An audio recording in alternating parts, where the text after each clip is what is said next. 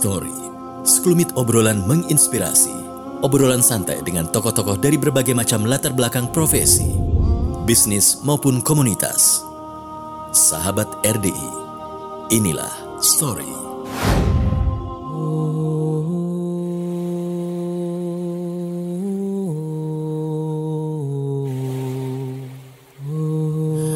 Assalamualaikum warahmatullahi wabarakatuh Sahabat RDI Kita kembali lagi di program Story Sekelumit obrolan menginspirasi Yang kita hadirkan untuk Anda Sahabat RDI di bulan Ramadan ini.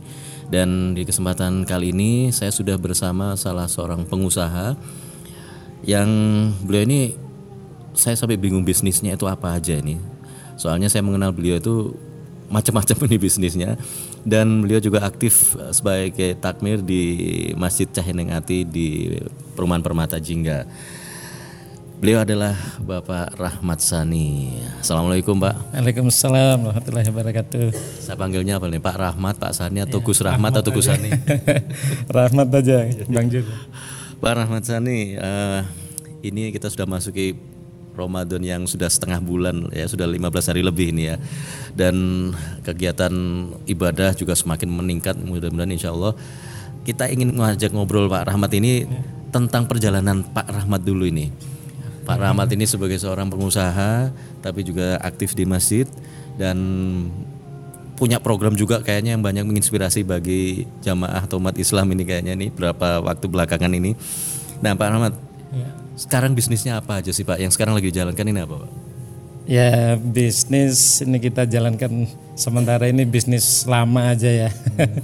bisnis yang sudah puluhan tahun kita geluti itu di IT toko komputer ya. Hmm. Ya masih ada. Uh, terus di selebihnya lebih ke ini ya apa? Uh, kegiatan usaha yang sifatnya pasif ya. Hmm. Jadi seperti kos-kosan, hmm. apa guest house begitu. Jadi kita lebih ke uh, apa yang bisa di remote lah kegiatannya aja. Yang toko komputernya apa nih pak namanya? Uh, saya di yang brand yang masih berkibar ini ini bursa komputer. Bursa komputer. Bursa ya? komputer. Hmm. Kalau zaman dulu kan memang banyak ya karena memang booming boomingnya kan sekitar tahun 2000-an dulu hmm. ya. Itu kita sampai punya beberapa toko lah hmm. ya. Nah. tinggal satu aja. Di mana sekarang itu alamatnya Pak? Di Jalan Raya Sumbersari 285. Hmm. Ya yang dulu itu ya Pak ya? Iya, iya, hmm. ya. Nah Pak Rahmat, itu kan yang toko komputer. Ya. Nah sekarang ini justru yang makin banyak ini ada ada kos-kosan, ada guest house. Bisa cerita sedikit nggak Pak? Biar paling nggak bisa memotivasi, menginspirasi pendengar ini. Ya, jadi sebelum sampai ke sana saya cerita sekilas dulu ya kenapa kok sampai apa kesasar sampai ke bisnis-bisnis seperti itu. Mm. Jadi awal mulanya kan kita dulu ya masuk Malang, hijrah ke Malang mm. itu dalam rangka kuliah. Tahun berapa itu? Tahun 94 ya. Kita memang dari daerah dari Sumbawa itu. Di mana kotanya itu? Dompu saya. Dompu, Dompu ya. ya. Jadi kita memang niat dulu kuliah yang jauh sekalian lah ke Jawa biar hmm. biar kita bener-bener apa bisa mandiri lah bisa mandiri jadi kita hadapi betul apa yang tantangan yang ada gitu kalau di daerah kan kita masih umpama kalau sanggup habis apa kita bisa pulang ke rumah ya, atau minta ke betul. Pak Le Pak D kan gitu nah, ini kalau di sini kita nggak punya siapa-siapa nah, dari semangat hijrah kita semangat itu kita uh, ya melakukan semaksimal mungkin apa yang yang bisa jadi memperkaya wawasan dan ilmu kita selama di Jawa ini. Ya. Itu benar-benar keinginan Pak Rahmat sendiri atau ya. atau orang tua yang nyuruh ke Jawa? Keinginan sendiri karena kita kan dari kebetulan keluarga PNS ya. Hmm. Orang tua di Berapa bersaudara sih Pak? Saya cuma dua bersaudara. Oh.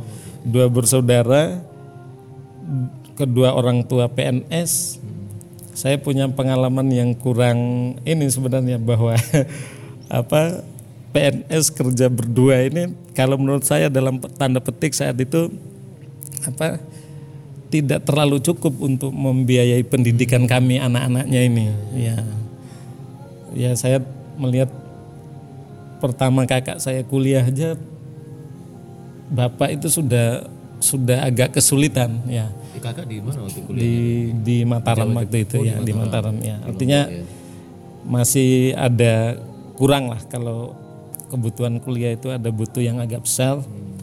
Nah, mau nggak mau pinjam koperasinya koperasi apa koperasi pegawai ya kan ada ya PNS itu ada koperasi.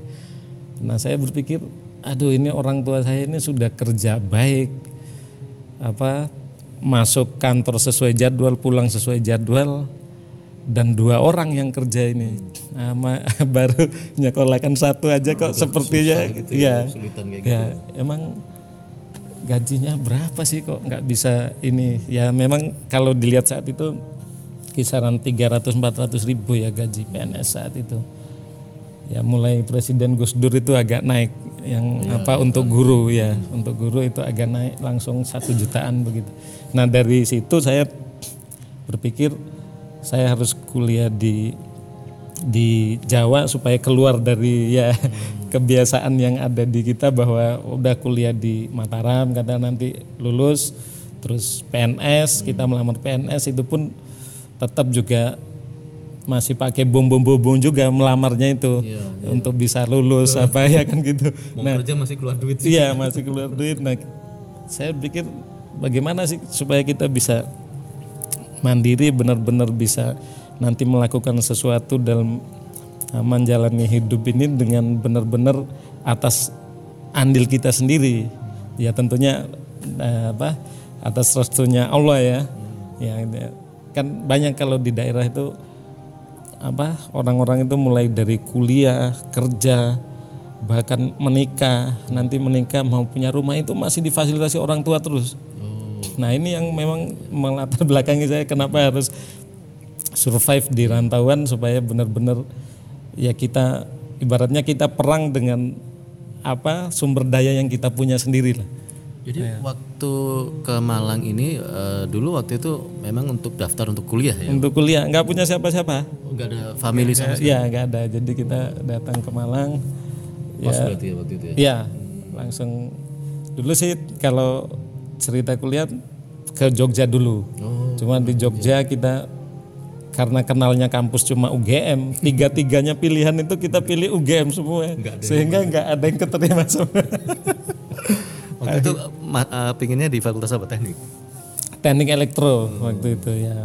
Nah, terus akhirnya teman-teman kok banyak yang di Malang hmm. ajak ke Oke deh ke Malang. Terus pokoknya di Jawa aja gitu. Hmm. Akhirnya ke Malang kita daftar di uh, UMM Malang waktu itu saya masuk di teknik mesin. Hmm. Jadi dari perjalanan itu artinya kita ini benar-benar punya semangat gimana hidup kita ini supaya ada perubahan lah ya dari situ saya berpikir karena di Malang ini kita kosnya bayar makan bayar apa semua ya sebisa mungkin keseharian kita ini ada yang masuk gitu. masuk hmm. dalam arti ada ilmu yang kita serap hmm. ada baik itu pengalaman hidupnya orang atau apalah itu ya kita suka nongkrong di dekat kos-kosan itu. Di mana waktu itu kosnya Pak? saya di Landung Sari hmm. di Landung Sari ya. Terus situ kita kalau mau baca koran ya ke warung atau ke ke apa ya yang usaha-usaha di pinggir jalan itu biasanya ada korannya kita. Jadi nggak perlu beli ya? Nggak perlu beli. Nah dari situ sering baca koran itu di warung itu kita mulai lihat-lihat iklan jadi sejak saya tahun 97 itu mulai bebas kuliah itu itu maksudnya sudah lulus itu ya? belum belum, oh, belum, belum. bebas kuliah selanjutnya skripsi. Oh maksudnya udah selesai skripsi, kuliah ya. tinggal skripsi. Kuliah tinggal skripsi ini kan hmm. praktis kita itu nganggur. Hmm. Lah kita ini nganggur berbayar gitu. ya kirimannya datang terus. Hmm. Ya walaupun telat-telat tapi insya Allah mesti datang. Hmm. Nah ini apa kita nganggur. Ini apa ini? Akhirnya saya lihat-lihat lowongan pekerjaan. Nah karena tahun 97 itu uh, Wah, musimnya Krismon ya iya, waktu itu ya. Ya, setelah reformasi itu awal reformasi ya. Hmm. Uh, di tengah banyak orang yang di PHK, saya cari kerja. Hmm. nah, lamar ke sana kemarin itu nemu ada lowongan itu dibutuhkan supir serabutan hmm. di Puncak Dieng sana. Nah, kebetulan ternyata itu salah satu ownernya Puncak Dieng juga. Pak Pak adiknya Pak Ges oh. itu Pak Haidar Bawasir itu saya melamar di situ alhamdulillah yang itu yang lamar banyak supir-supir senior ini. Saya kan baru belajar sebenarnya nyupir itu, belajar pakai mobil kampus malah. Tapi sudah punya SIM ya? Uh, sudah, ya. sudah. Akhirnya saya lamar subuhnya ditelepon. Anu, apa? Kamu saya terima wis jam 5 udah datang saya mau meeting ke Surabaya. Waduh, saya nggak bisa tidur semalam itu waduh diterima kerja ini. Waduh, ya udah Bismillah udah Alhamdulillah berangkat kerja. Oke saya jalani kerjaan sebagai driver itu. Itu gajinya berapa masih ingat nggak Pak Rahmat? Itu 150 150 ribu, 150 ribu ya. Hmm. ya kalau buat makan tok insya Allah masih cukup. Pada tahun 97 tahun 97 ya. itu ya. Sekarang 150 itu sehari kan? Iya iya jadi ya saya memang tergelitik karena ada kata serabutannya itu. Hmm. Jadi driver plus rambutan ya. Jadi saya jalannya aja. Nah karena driver ini pasti urusannya kalau nggak mengantar bos atau istrinya bos kan gitu. Nah, saya pikir kita bisa banyak hal untuk apa belajar ya nyerap. Ya perjalanan waktu ya perjalanan waktu ternyata dari kita sering ngobrol itu kok bos saya kok ini juga mungkin penasaran dengan saya akhirnya saya di berhentikan untuk supir suruh masuk kantor. Oh. Ya, suruh di, di kantor. kantor apa itu? Waktu itu? ada beliau punya perusahaan mebel, ada Savana Production di namanya sini. di Malang ya. Itu produksi di Malang, produknya dijual di galeri di Bali zaman itu itu apa? Uh, mebel aluminium, cor-coran aluminium itu ya. Jadi saya kerja di situ karena di situ juga perusahaan masih baru. Pegawainya ternyata ya cuma saya sama apa ada apa serabutan lah satu lagi. Akhirnya saya di situ karena kita punya cukup pengalaman di organisasi di kampus ya sudah saya di situ langsung mengkrit perusahaan itu menjadi seperti perusahaan sudah besar. Jadi hmm. ada manajernya ya, ya manajernya bos saya bawahnya nanti ada keuangan siapa gitu namanya. Tapi saya juga sekretaris siapa saya juga. Itu ada bagian gudang gitu. Itu saya juga. Cuma saya pakai nama lain-lain. Nah itu bos saya itu sangat mengapresiasi itu waduh hebat kamu. Lah iya pak masa kalau kita nagih ke ke mitra kita yang perusahaan besar-besar itu cuma satu orang kan kelihatan sekali kalau kantornya ini kecil ya. Gak bonafit ya. ya. Akhirnya saya kalau telepon menawarkan barang saya sebagai marketing. Nah kalau pas ngecek stok saya telepon sebagai saya bagian gudang kayak gitu. Tapi ya. namanya ganti-ganti juga. Ganti-ganti namanya. ya.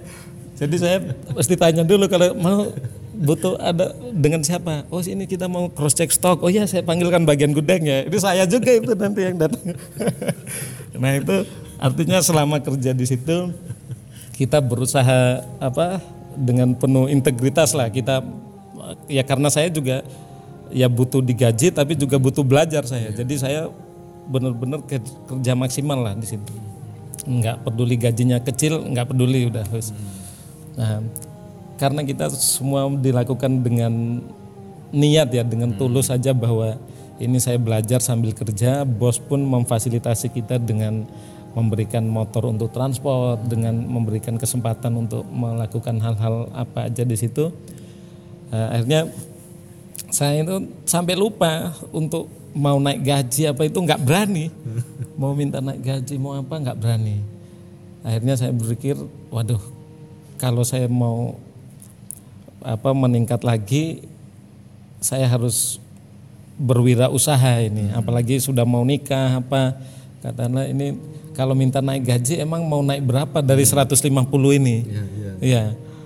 Kan ya sulit lah nanti kita nggak enak juga karena kita hubungan kan persaudaraannya tinggi sekali dengan apa bos itu. Sehingga saya nggak minta naik gaji, saya cuma pamit aja. Saya bilang, "Pak, saya dalam waktu ke depan ini kepingin buka usaha. Saya mau pamit, Pak. Cuma kita beresin dulu semua urusan nanti kira-kira sudah clear berapa bulan gitu baru saya tak pamit alhamdulillah ya itu tadi karena kita ini bersama-sama ini sudah seperti saudara ya. Ya kita sempat tangis-tangisan saat itu. Artinya ya beliau tidak menghalangi saya juga tapi ya repot juga kalau saya tinggal ini Kehilangan orang yang Iya. selama ini sudah bersama-sama cocok ya. gitu ya. Nah, akhirnya saya cerita, kamu mau ngapain ini mau mau keluar? Saya mau buka usaha komputer pak, ya rental sama jual-jualan aksesoris gitu. Oh sudah ada komputernya, ya dari nabung-nabung ada satu pak. Ya nanti ya gimana lah namanya ngawali. Nah kok kebetulan sebulan sebelum itu warnetnya bos saya yang di Pak Haidar ini di Bali itu ditutup karena kontraknya nggak boleh perpanjang kan kontrak di Telkom waktu itu jadi kebijakan berubah mungkin. Akhirnya dibawa pulang ke Malang satu truk gitu.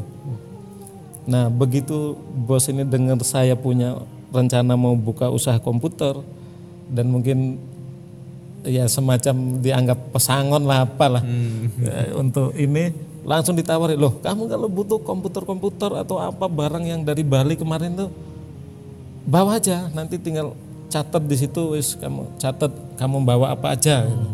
wah saya waduh ini saya seperti dapat durian runtuh ini jadi udah saya bawa ba- lab apa komputernya itu sekitar 15 unit mungkin waktu itu ya dengan berbagai perlengkapannya akhirnya saya buka rental Itu tahun berapa itu Pak Rahmat? 98 mungkin. Eh, oh enggak, 99. Kan saya kerja dua tahun sekitar dua tahunan ya.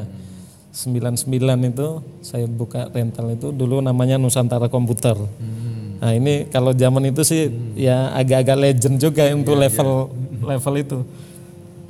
Em, saya buka komputer apa rental kita kerja itu praktis subuh sampai malam karena melayani mahasiswa ya.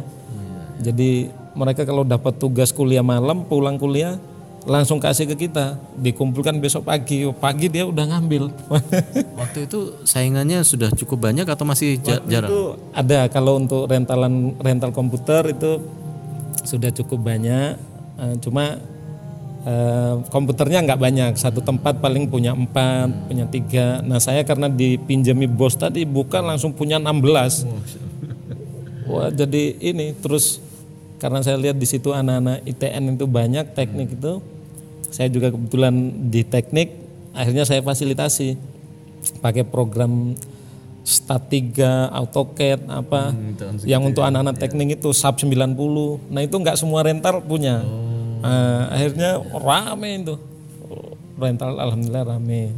Nah, usaha pun begitu yang jualan itu walaupun kita cuma pajang kerdus-kerdus aja. itu banyak orang nyari karena mungkin kita karena nggak nyetok ya. Nggak harus kulaan dulu kita harga praktis lebih murah. Ya. Jadi dan memang marginnya komputer zaman itu tebel, Pak. Pada saat itu Tebel saat itu. Aksesoris itu bisa 50% kayak gitu-gitu. Nah, kalau sekarang cari 5% aja susah. Nah, itu zaman itu sehingga kita kalau jualan trik aja kalau Pak ada barang ini, memori apa Edoram gitu, yang memori yang lama itu. Waduh, barusan habis, Mas. Nunggu mau nggak biar ambil di gudang dulu. ya kita padahal kulak dulu.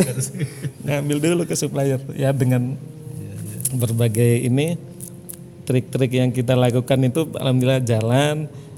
Yang satu poin yang saya apa ingat dalam saya berbisnis dulu itu ini apa bahwa sebisa mungkin win-win ya. Jadi pembeli itu merasa happy dapat barang murah, kita juga happy dengan jual murah pun kita sudah untung. Ya.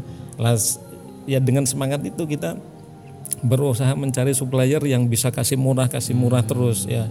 Ya tentunya dengan berjalan waktu sudah mulai ada modal dari keuntungan kan langsung masuk modal keuntungan jadi modal keuntungan jadi modal. Nah, kita kalau zaman itu pokoknya kalau kuantitinya banyak kita bisa nekan harga. Nah, artinya kita jual di harga orang lain beli, mas kita sudah untung. Ya, zaman itu. Nah, berjalan waktu alhamdulillah eh, komputer zaman itu memang bagus prospeknya. Nah, kepercayaan dari konsumen maupun supplier juga tumbuh. Tumbuh bagus sekali khususnya dari supplier itu kita yang dari harus beli tunai bisa mundur seminggu pembayaran yang dari seminggu ada yang kasih sampai satu bulan nah dari pola-pola ini kalau kita pameran katakanlah kalau dulu kalau pameran komputer dulu itu bukan pameran pak jualan basar. Basar. Jadi benar-benar kita di situ menjual sebanyak-banyaknya cari untung sebanyak-banyaknya. Kalau mestinya pameran kan kita cuma pajang, aja ya untuk mena- memperkenalkan perusahaan kita. Nah karena seperti itu supplier jatuh tempo satu bulan katakanlah. Kita kadang satu dua hari barang datang sudah ngumpulin sudah jual banyak produknya. Sehingga uang kan nandon di kita pak. Nandon. Kita mau bayar juga kita pikir oh ngapain dibayarkan? Kita masih sebulan lagi jatuh temponya. Nah akhirnya kita puterlah uang supplier ini dijual beli mobil zaman itu. Itu tahun berapa itu mulai? sekitar tahun 2003an mungkin ya. Zaman itu kebetulan tiket pesawat juga murah saat itu tahun segitu ya. Jadi kita ke Jakarta cari mobil, nanti dari Jakarta disetiri sendiri. Oh, bawa sendiri. Iya. Nah zaman itu belum ada online begini pak. Kita cari mobil di Jakarta itu beli buku map itu 600 ribu pak, mahal itu. yang tebal itu, ya, yang tebal itu. Jadi kalau iya kalau sudah sampai Jakarta itu beli pos kota, dulu. beli pos kota lihat iklan. Oh di jalan ini ini, Wah, kita lihat oh jalan ini lewatnya sini sini ya. Wis kita ini apa sewa motor di Jakarta itu zaman itu. Nah alhamdulillah bisa jalan ke supplier jatuh tempo tidak sampai lewat. Eh, uang ini bisa menghasilkan margin, memanfaatkan jeda waktu itu. Dia mungkin memang ya Allah memang lagi kasih ya, lagi kasih hambanya ini lagi dikasih. Jadi alhamdulillah semacam banyak kemudahan gitu. Jadi mobil yang kita bawa dari Jakarta pun kita sudah lagi perjalanan pulang itu kita sudah telepon Jawa Pos untuk pasang iklan J2 zaman itu. Udah telepon radar itu. Pak pasang iklan ini ini. Oke transfer pembayarannya 33.000 zaman itu kalau nggak salah. Iklan itu. Ya itu. Alhamdulillah sampai di Malang itu satu dua hari itu udah laku pak. Udah laku zaman itu. Ya ya kita benar-benar kerja lah. Jadi toko dikembangkan istri saya cari-cari ceperan yang lain seperti jual beli mobil itu. Itu toko waktu itu sampai berapa karyawannya? itu belasan ya. Belasan lah jadi ya kita ngontrak lagi di sebelahnya ngontrak. Ya kalau zaman itu kita kontraktor ngontrak-ngontrak tempat. Ya belakangan ya jadi kontraktor betulan itu ya belakangan belakangan ini ya. Jadi dari tumbuhnya bisnis eh, kepercayaan bank juga tumbuh juga. ya. Bank itu memang kerjaannya cari orang-orang yang potensial untuk dikasih utang. Tapi belakangan setelah kita tahu juga sekarang sudah jalani. Kita kalau apa apa kalau kelihatan batuk-batuk sedikit aja langsung balik kanan banknya. Artinya selama kita ini menghasilkan bagus sangat disupport. Tapi kalau udah kelihatan nggak? Iya kelihatan nggak? Ini langsung balik kanan sudah. Memang saat mencoba properti pertama itu ya nggak sengaja saya mengundang tetangga untuk apa silaturahim karena baru kenal baru pindah di situ. Di mana itu waktu itu pak? sigura-gura dulu. Lah kok tetangga ini menawarkan tanah, Oh. tanah menawarkan tanah.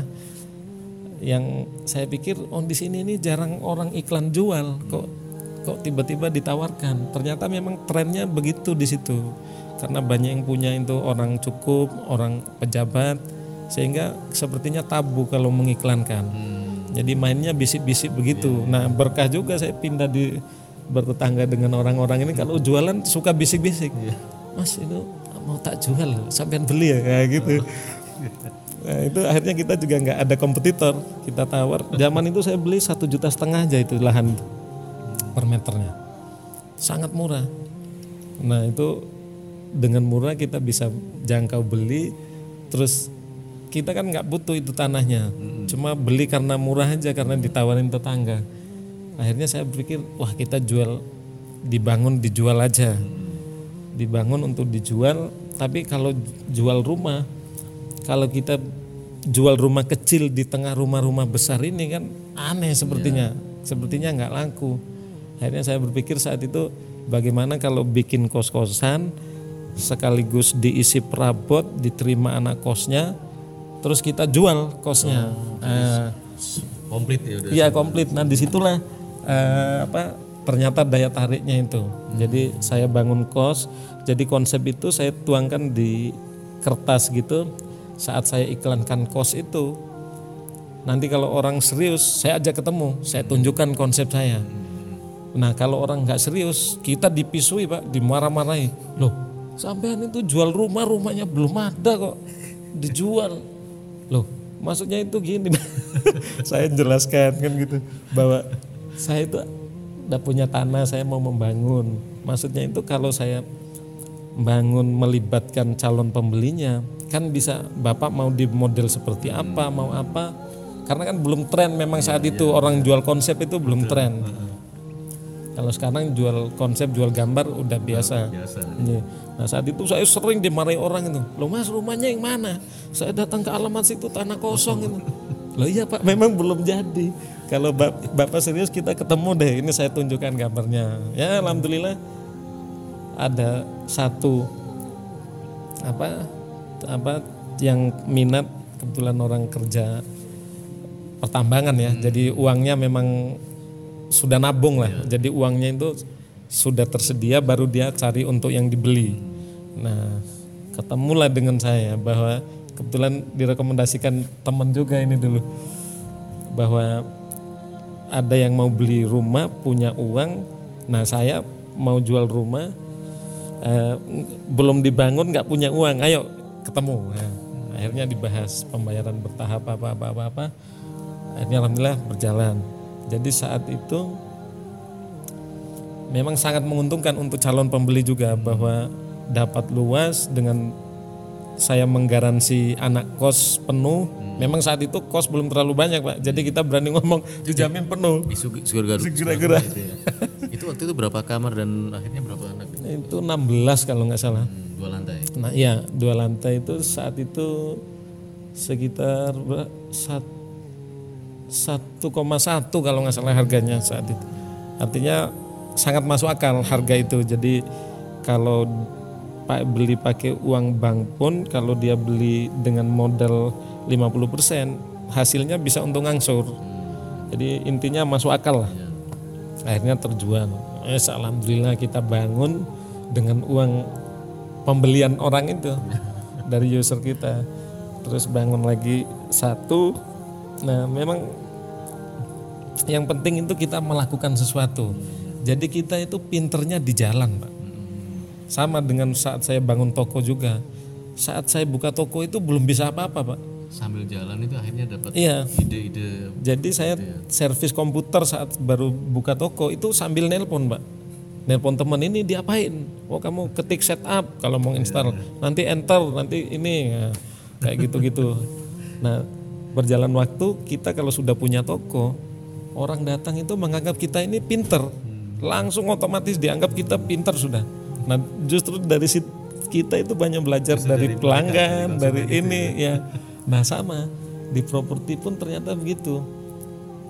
Kita lakukan saja dulu di situ banyak masukan-masukan dan banyak orang walaupun dia mencaci kita kadang-kadang tetap ada ilmunya ya kayak tadi kata kita diomelin "Oh, rumah belum ada kok di dijual ditawarkan akhirnya kan kita berpikir untuk bagaimana mengkonter pernyataan orang itu akhirnya kita kan apa kreatif jadinya kita ini nah kita apa pinternya ya dari hal-hal seperti itu istilahnya apa sekarang itu learning by doing itu. Ya, di, ya betul. Kita apa kita kerjakan aja nemu di situ. Nah, apa? Ya alhamdulillah dari kita bangun satu orang kok ada yang ngajak tukar dengan lahan. Akhirnya berkembang padahal kita nggak rencana mau bisnis properti itu. Ada yang minta tukar, oh, oh rumah kos ini saya tukar dengan rumah saya. Tanahnya seribu lebih mas, mau nggak? Tapi jauh. Di Singosari ya. Akhirnya wah saya pikir walaupun butuh uang tapi bagus juga penawaran ayo lihat bu lihat akhirnya barter kita ya begitulah. Jadi dari ini artinya kita kalau sudah apa mulai melakukan sesuatu jangan khawatir inilah. Yang penting sudah punya ilmunya sedikit-sedikit kita lakukan kita jalani. Itu insya Allah kita ya pinter di jalan nanti. Itu eh, kalau Gesos juga sekarang, Mbak ya? sekarang ya sama. Ini juga kebetulan juga guest house ini saya kos-kosan yang saya beli beli KPR di bank dari berapa belas tahun yang lalu itu. Itu eh, ya ada uang dikit-dikit saya rehab. Saya rehab. Terus ya rehab kena kompor teman-teman senior-senior itu.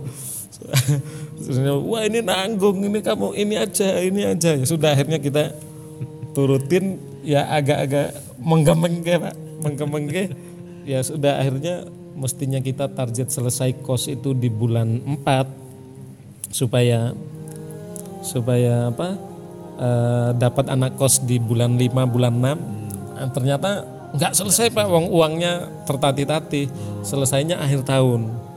Nah akhir tahun ini kan sudah lewat masa anak mencari kos nah kos-kosannya kosong. Ya akhirnya dari situasi itu kita cari ide lagi. waduh ngapain ini kita aduh nggak bisa bayar toko bangunan nggak bisa bayar utang ini kita gimana akhirnya ada ide saya kontak ke yang ini yang lagi rame sekarang kan apa uh, persewaan kamar itu yang lewat Mami Kos, Airi apa gitu-gitu.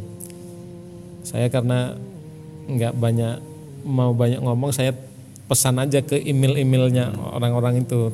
Nah kebetulan yang nyantol itu Airi. Saya cuma titip pesan aja saya punya properti seperti ini. Apa? Kalau mau dikerjasamaan dengan Airi seperti apa? Silakan saya tunggu saya gitu aja. Akhirnya mereka confirm mereka apa survei ini ini. Oke pak kita nyoba. Apa sedikit dulu pak. Oh, ya silakan. Alhamdulillah kok jalan. Terus ada anak kosnya juga. Ya sambil jalan. Nah sekarang kita mulai belajar betul lah mulai nemu ininya modusnya pola-polanya bagaimana nah ini kalau dikaitkan dengan masjid kalau saya pikir-pikir memang ya itu tadi nggak ada yang kebetulan sebenarnya bahwa Allah itu sudah merencanakan semuanya itu dengan baik kita apa telaten aja jalani gitu. Iya. Belakangan belakangan ini kan trennya berubah, Pak. Kayak toko komputer kita sebelumnya punya beberapa toko eh, bisa dikatakan inilah tutup lah. Banyak tutup tinggal satu karena memang trennya udah beda. Kalau zaman dulu teman-teman mahasiswa kalau beli komputer itu nanya dari ujung sampai ujung, ditanyain semua. Nah, kalau sekarang kan semua lewat online, orang udah tahu harga-harga produk apa-apa. Jadi kita toko-toko konven ini memang kayak saya termasuk walaupun jual di, jualannya IT, tapi saya ini termasuk orang yang tidak terlalu menggunakan IT, karena memang kita dagang kan, dagang, sehingga agak ketinggalan kita begitu rame yang apa ya online itu nggak siap lah prinsipnya. Saya berdiskusi dengan istri saya ini, waduh kita sekarang mau kerja apa ya? Ini kok kayak susah sekarang. Nah istri saya nyeletuk simpel aja, loh ngapain pusing-pusing? Kita ini dulu sudah kerja dua kalinya orang kerja. Kita dari jam 6 pagi sampai jam 10 malam.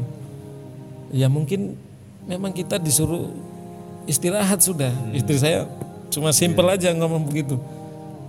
Saya pikir wah dia pinter juga menghibur menghibur saya pikir.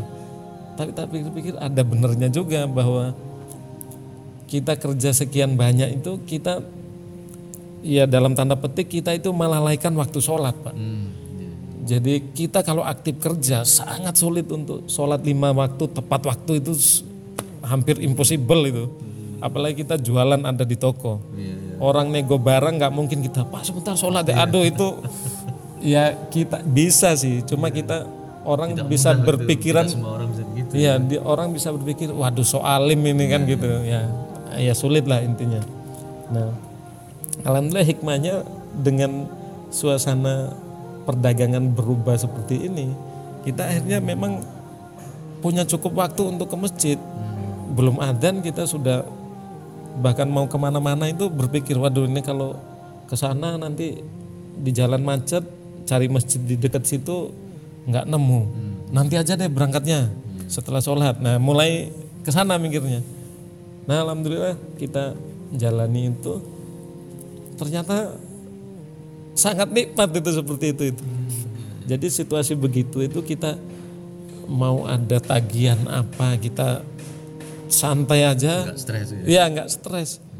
Kalau dulu kan kita masih aktif. Oh ini tagihan ini belum terbayar ya.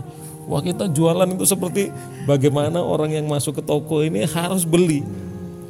Jadi kita benar-benar inilah ikhtiar maksimal. Kayak jual mobil sudah nggak bisa pak. Saya sekarang ini. Wal- walaupun dulu kita jago jualan sekarang udah nggak bisa. Sekarang kalau orang datang, oh mobilnya ini ya pak. Oh su- ininya pernah ini ya. Kita pertama sudah nggak sudah sudah nggak bisa bohong. Oh iya. Ya maksudnya itu kita ya bohong dikit lah. Kalau kayak dulu kan kita mikirnya Dulu tuh enteng gitu ya. Iya, iya kita mikirnya, oh enggak kok pak, cuma baret aja gitu. Sekarang ini udah nggak bisa.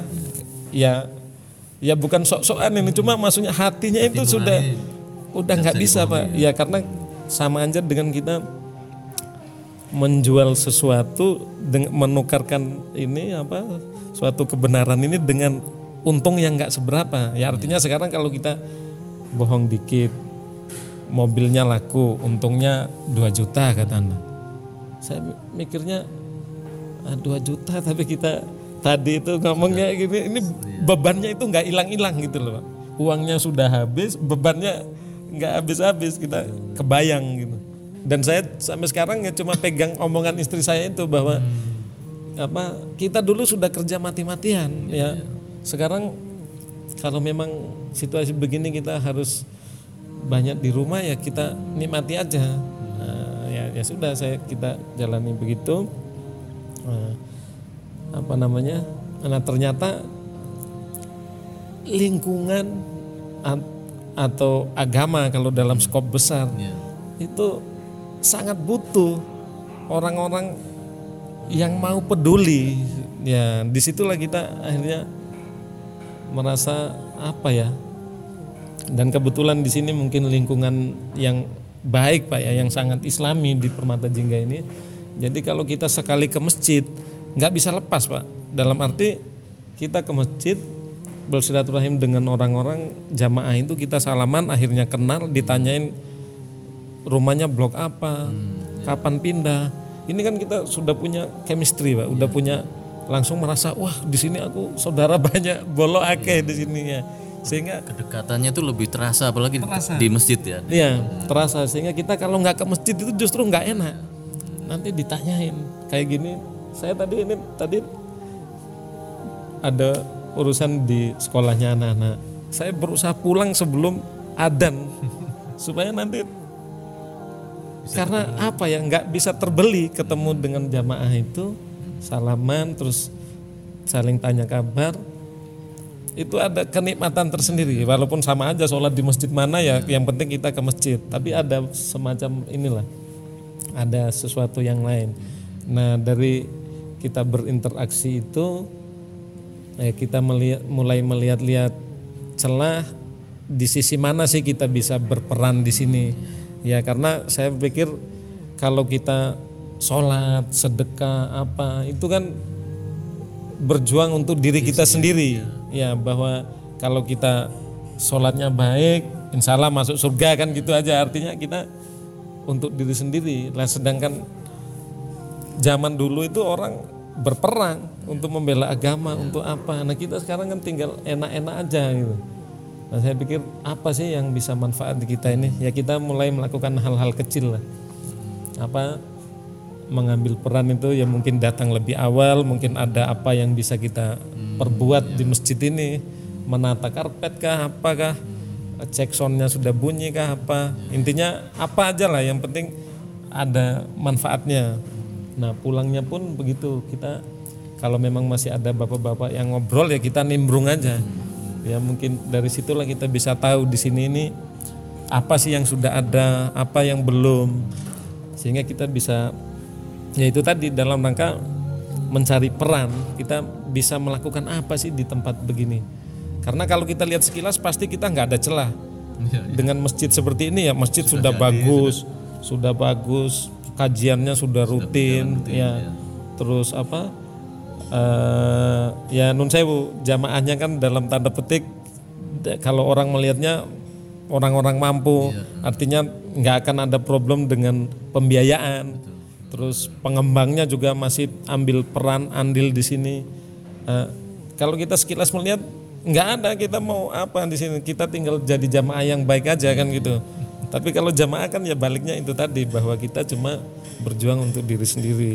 Ya seperti sekarang ini kan ada kegiatan di Masjid Cahning Ati ini ada acara semacam talk show ya dengan tokoh sukses itu Pak Rahmat juga ikut berperan aktif juga nih sepertinya ini. ya kebetulan memang karena di sini kan senior ya banyak yang senior. Saya ini kan sebagai yang muda yang saya anggap masih kecil lah. Jadi bapak-bapak ini saya anggap orang tua saya sendiri bapak-bapak takmir itu sehingga kita ibaratnya kita kalau punya usulan ya kita yang bagian repotnya bapak-bapak bagian setuju aja gitu bagian merestui lah. Kalau direstui boleh ya kita akan pikirkan bagaimana caranya gitu. Nah dengan pola itu alhamdulillah ini tahun ketiga kita yang untuk menyiapkan buka puasa yang sampai ratusan per hari itu. Sekarang sampai 700 per hari. Kalau sukses story-nya baru tahun ini kita adakan. Karena berangkat dari yang sebelumnya itu bahwa eh, jamaah kita yang rata-rata mahasiswa itu yang untuk takjil sampai muncul istilah trennya itu eh, PPJ para pemburu eh, PPT para pemburu takjil. Ya. Nah mereka kan datang menunggu waktu buka puasa itu diam aja. Ya ada beberapa yang mengaji yang apa. Tapi saya pikir eman ini apa masanya ada jamaahnya ada tapi kita nggak ngapa-ngapain. Lah kita juga mau mau ngisi-ngisi kultum gitu kan mikir juga. Walaupun cuma baca kan ini juga apa takmir sendiri. Kalau ngisi kan beban Pak. akhirnya kita usulkan untuk tahun ini ada sukses story. Nah ini cukup beralasan juga saya kenapa sukses story karena saya pikir pertama jamaahnya sudah sudah sudah ada dan dari kepanitiaan kita yang secara keseluruhan itu kita sudah menyiapkan buka puasa sekitar 600 per hari. Nah, otomatis kalau kegiatan ini dijalankan praktis sudah nggak butuh biaya lagi. Konsumsinya sudah tersedia, masanya jamaahnya sudah akan datang dengan sendirinya. Terus pematerinya kita cari yang gratis. Eh, ya karena di jamaah kita ini banyak sekali pak. Ya seperti ketua harian takmir kita Pak Mardi Wibowo itu, itu kan ilmunya luar biasa itu dari mantan kanwil BRI terus membina UKM UKM pebisnis ulung juga. Nah itu disampaikan kita tampilkan, wah itu bagus. Terus banyak lah Pak Arnold, terus Mas Doni Malang Strudel, terus ada banyak di sini. Nah itu yang kita ini yang kita tampilkan. Ini yang ke belakang ini masih ada Mas Aji Santoso, Asifa sekolah bola itu. Oh iya, iya. Terus Mas ini Pak Rahmat Jet Indo Pratama itu ya. Ya alhamdulillah orang-orang ini orang-orang yang inilah apa? Yang mau lah berbagi ilmu dengan gratis. Ya saya todong sedikit saya todong. Kemarin Pak Kurniawan dari Radar Malang. Ya ada beberapa. Ini dari yang muda-muda dari kita baru mau tampil ini Mas Didit ini importir aksesoris handphone. Ya ada banyak. Nah ini yang kita manfaatkan dan kita mau jadikan inspirasi untuk adik-adik mahasiswa itu bahwa orang-orang yang sukses ini tidak ujuk-ujuk seperti ini. Ternyata apa? iya iya tempuh ya. perjuangannya itu apa? Cara susahnya beda-beda. Ya kalau suksesnya mungkin sama bahwa oh sekarang sukses. Tapi jalan yang ditempuh saat susahnya itu sangat unik-unik gitu. Sangat unik-unik. Wah ini ini kayaknya memang kayaknya RDI juga perlu nanti ini kita kerjasama nih Pak bikin event apa yang bisa untuk off air atau untuk di radio ini. Ya boleh boleh Pak. Yang sukses story ini kalau kalau nyambung dengan RDI sangat tepat. Karena sementara kan kita masih live di Facebook kayak gitu. Terus ada juga rekan-rekan apa yang apa istilahnya kayak wartawan online itu loh ya. Media-media online itu ya. online itu mereka ya alhamdulillah mereka membantu menjelang acara mereka udah bantu kasih clue-nya. Nanti saat setelah selesai mereka sudah selesai acara itu sudah jadi. Dia kirim ke kita Pak ini yang tadi Pak. Wah hebat ini, ini. Nah inilah ini kita bersama-sama dalam kebaikan jadi apa prinsipnya sih simple kalau saya jadi bagaimana kita bisa berperan Manfaat. bermanfaat itu tidak harus berupa uang gitu loh. Nah, ya nun sewu kayak di Permata Jingga sini yang siap sedekah uang itu banyak, Banyak ya. banyak gitu loh. Tapi bagaimana kita ambil peran mengelola sedekahnya orang-orang ini supaya bisa benar-benar apa eh, maksimal lah. Kalau yang paling umum kan ya gampang lah kita. Oh kalau terkumpul banyak kita cari anak yatim di mana, kita baksos ke sana, cari fakir miskin di mana itu itu sudah jalan, sudah jalan lah. Tapi itu kan apa ya kayak monoton, semacam mengulang-mengulang saja. Ya betul orang itu tetap harus kita nafkahi terus. Janda-janda tua apa itu kita kalau nggak nafkahi terus kan ya repot juga mereka kasihan. Tapi kenyataan di sini yang saya lihat semakin kita bikin kegiatan yang positif yang apa direspon banyak orang gitu itu semakin kenceng juga donasinya. Artinya bahwa mereka tanya aja bla bla. Loh itu butuh berapa? Masih kurang nggak anu biayamu? Ya kalau dibuat cukup insya Allah sudah cukup tapi kalau bapak mau kasih ya kita gebiarkan lagi acaranya.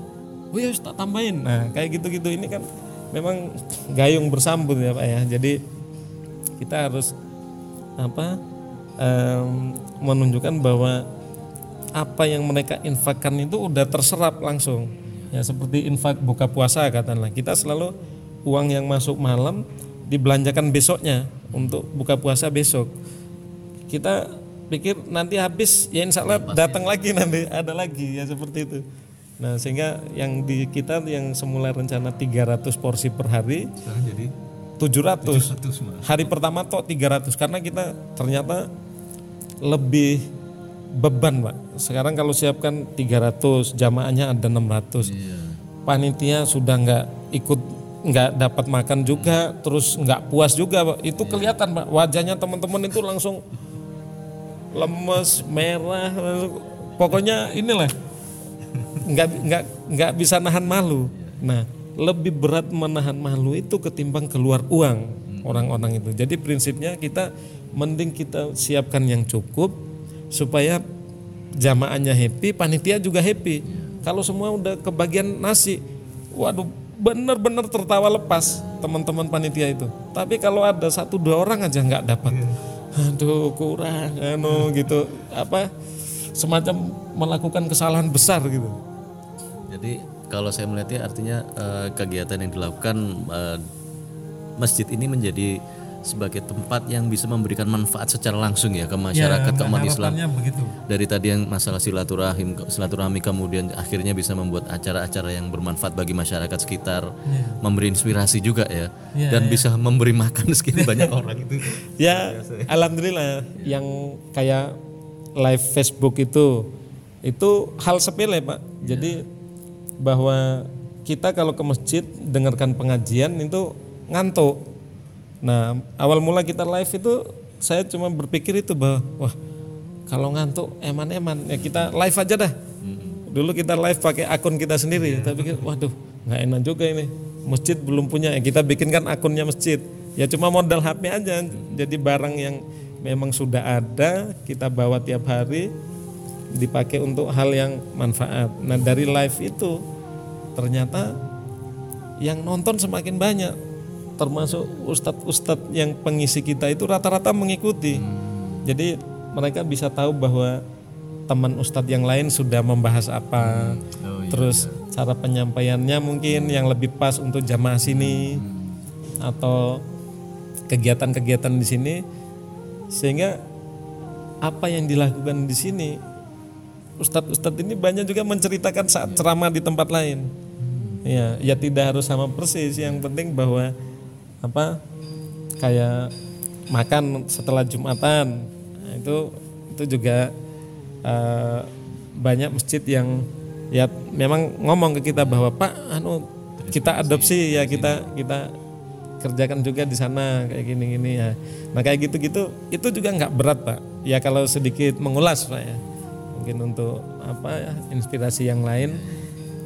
Program seperti ini memang kadang-kadang kalau di ketakmiran itu kan kan kalau program yang berat-berat itu kan mungkin sudah dibahas di awal-awal kepengurusan sehingga kalau tidak ada ya nanti akan dibahas dulu dan waktu yang lama mungkin. Nah Nah kayak ini kemarin kita cuma usul ke takmir bahwa Pak ini apa kalau kasih makan ke jamaah habis jumatan boleh nggak? Ya ya boleh aja tapi uangnya dari mana? Loh saya ini nanyanya cuma boleh nggak? Gitu Kalau boleh ya setelah itu saya baru carikan caranya. Hmm. Ya. Ya nggak apa-apa ya. Saya mawon bagus. Nah, akhirnya oke kita apa kita galang lewat grup. Sekarang kan grup WA banyak ya grup WA jamaah. Umpama kita awal kita mau kasih 100 porsi kita carikan warung yang menyiapkan 10 ribu per porsi. Waktu 100 porsi pak ini sudah ada dana 500 kurang 500 anu ada yang ini enggak? Oh ada yang nambah 100 ada yang oh susah berapa? Oh ya saya sisanya. Nah karena banyak yang ini nutup sisanya ya saya naikkan porsinya. Oh, iya, iya. dari 100 jadi 200 sekarang sisa berapa? Oh sisa 50 oh ya saya. Nah alhamdulillah dari situ praktis nggak mengganggu keuangan takmir sama sekali. Jadi murni dari jamaah untuk jamaah. Ya beberapa donatur sudah pesan udah kamu jalan aja. Pokoknya nanti kurang berapa nggak usah konfirmasi siapa-siapa. Pokoknya kamu ngomong ke saya aja kurang sekian saya yang nombokin. Jadi kadang kurang 700 kurang berapa naik turun ya. Atau bahkan surplus uangnya kalau banyak yang ini.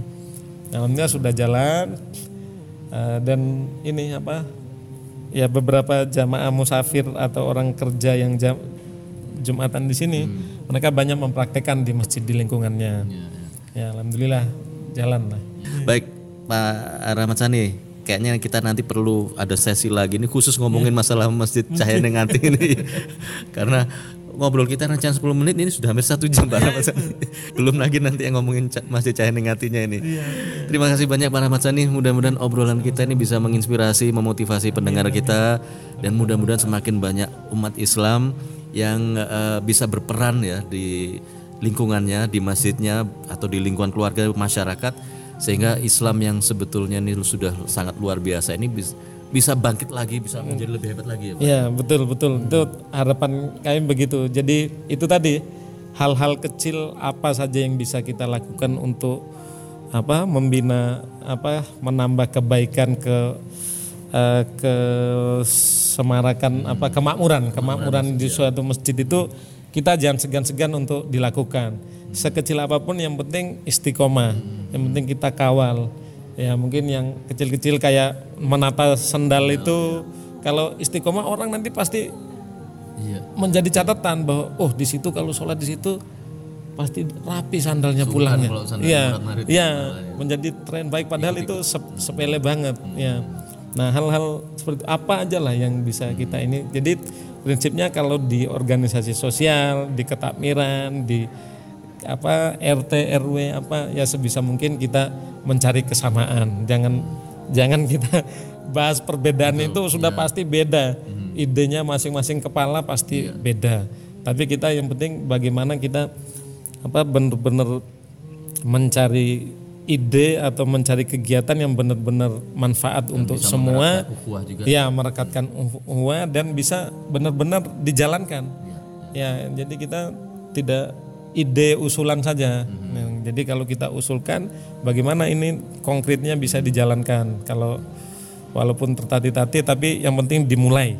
dimulai insya Allah perjalanan waktu bisa berjalan bagus insya Allah. Terima kasih banyak Pak Ahmad Sani sudah mau uh, meluangkan waktu yang cukup panjang ini ngobrol kita di di program kita story sekelumit obrolan eksplorasi ini bukan sekelumit ini udah berkelumit-kelumit Mudah-mudahan ada manfaatnya. Dan saya berharap mungkin kita suatu waktu bisa punya program khusus ini bisa di radio yang bisa rutin ya.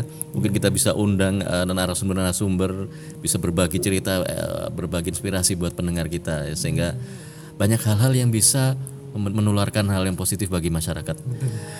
Baik, saya Zulkifli untuk program story kesempatan kali ini bersama Bapak Rahmat Sani. Wassalamualaikum warahmatullahi wabarakatuh.